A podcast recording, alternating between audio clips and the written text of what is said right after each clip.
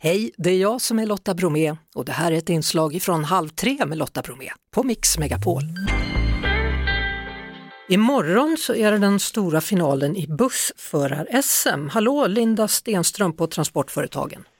Hej, hej. Hur, hur laddad är du inför den stora finalen?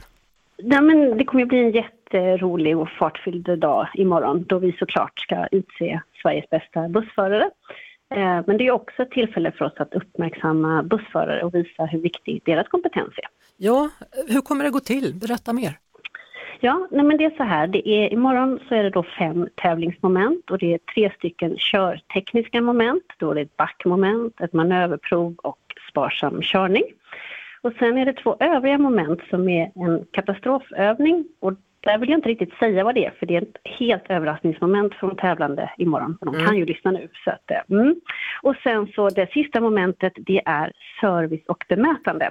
Och där får våra bussförare träffa eh, passagerare som är på lite olika humör. En del är glada och en del är inte så glada. Mm. Vilka, vem ska spela dem? Kommer du vara en av dem? Nej, jag slipper, nej. Nej, nej, det är professionella, professionella skådespelare, det är inte jag. Så, så det kan ja. vara liksom otroligt tråkiga passagerare som går ombord?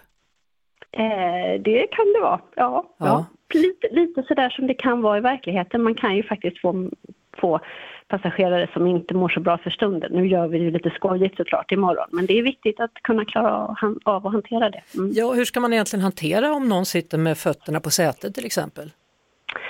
Ja, alltså sitter de, är, det, är det en sån sak då tror jag att det är relativt enkelt att be dem plocka ner eh, fötterna. Jag tänker mer på att det ibland kan vara personer som är hotfulla eller påverkade och då behöver man ju agera professionellt och vi vet att våra bussförare har eh, träning för det så att eh, det ska bli jättekul. Mm. Det, det, är faktiskt väldigt intressant för att alla busschaufförer är olika och när man åker rätt mycket buss då, vilket jag gör till jobbet och hem och sådär så, så märker man att en del är väldigt noga med att säga hej när man går på bussen.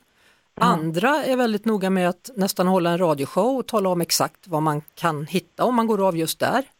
Exakt, exakt. Ja, och det är det som är så härligt och det är också det som, som jag tror gör att, att uh, man trivs i sitt yrke. Att man får nog faktiskt vara den som man är. Om vi skulle skapa en mall för hur alla som, som kör buss ska vara då det tror inte jag är lösningen utan jag tror att man ska få, få vara så som man är. Då blir det ju bäst. Ja, det fanns ju liksom ett tryck, eller det finns väl fortfarande, att en busschaufför är en man med glatt humör. Det stämmer ju inte längre den där texten. nej, nej, det stämmer inte. Det som däremot är en utmaning för det, och vi vill ju också klara samhällets mål om hållbara och klimatsmarta persontransporter i framtiden. Vi behöver fler förare. Eh, många fler. Så att, eh, det är ju liksom ytterligare en del i att vi arrangerar eh, bussförar-SM. Mm. Eh.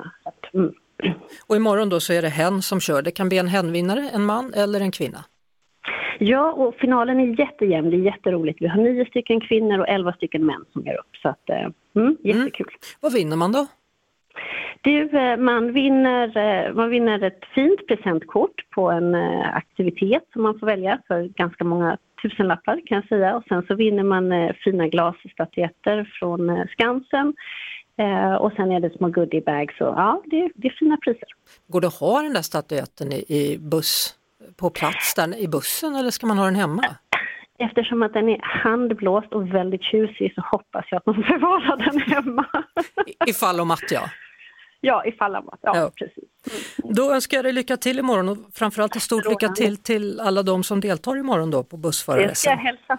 Vi hörs såklart på Mix Megapol varje eftermiddag vid halv tre. Ett poddtips från Podplay. I podden Något Kaiko garanterar östgötarna Brutti och jag, Davva, dig en stor dos skratt. Där följer jag pladask för köttätandet igen. Man är lite som en jävla vampyr. Man har fått lite blodsmak och då måste man ha mer. Udda spaningar, fängslande anekdoter och en och annan arg rant. Jag måste ha mitt kaffe på morgonen för annars är jag ingen trevlig människa. Då är du ingen trevlig människa, punkt. Något Kaiko, hör du på Podplay. Därför är gardinerna.